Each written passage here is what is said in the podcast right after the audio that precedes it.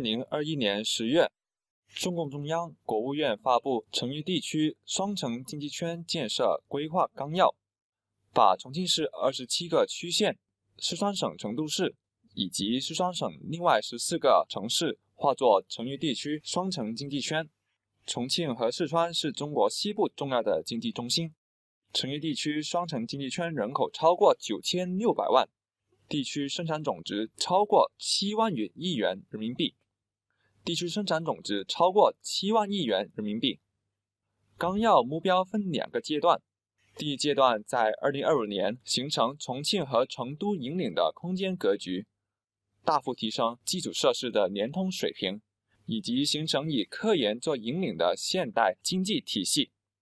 第二阶段在二零三五年成为具实力和特色鲜明的双城经济圈，重庆和成都发展成现代化国际都市。为了提升发展水平，重庆和成都将加强发展服务业。这两个城市将建设中国西部金融中心，制造对外开放、科技应用、绿色环保和以金融支持实体经济。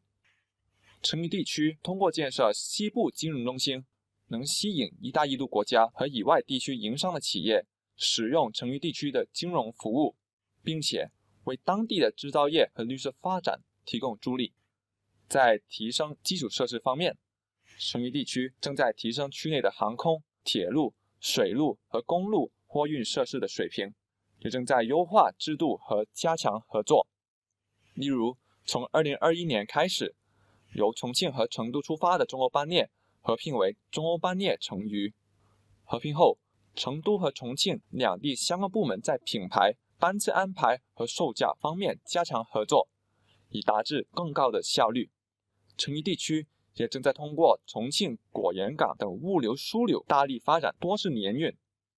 凭借成渝地区的地理优势，更紧密连接欧洲和其他亚洲国家。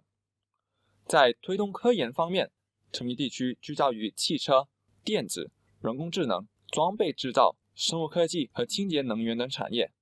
其实以上产业在重庆和四川已有一定的基础。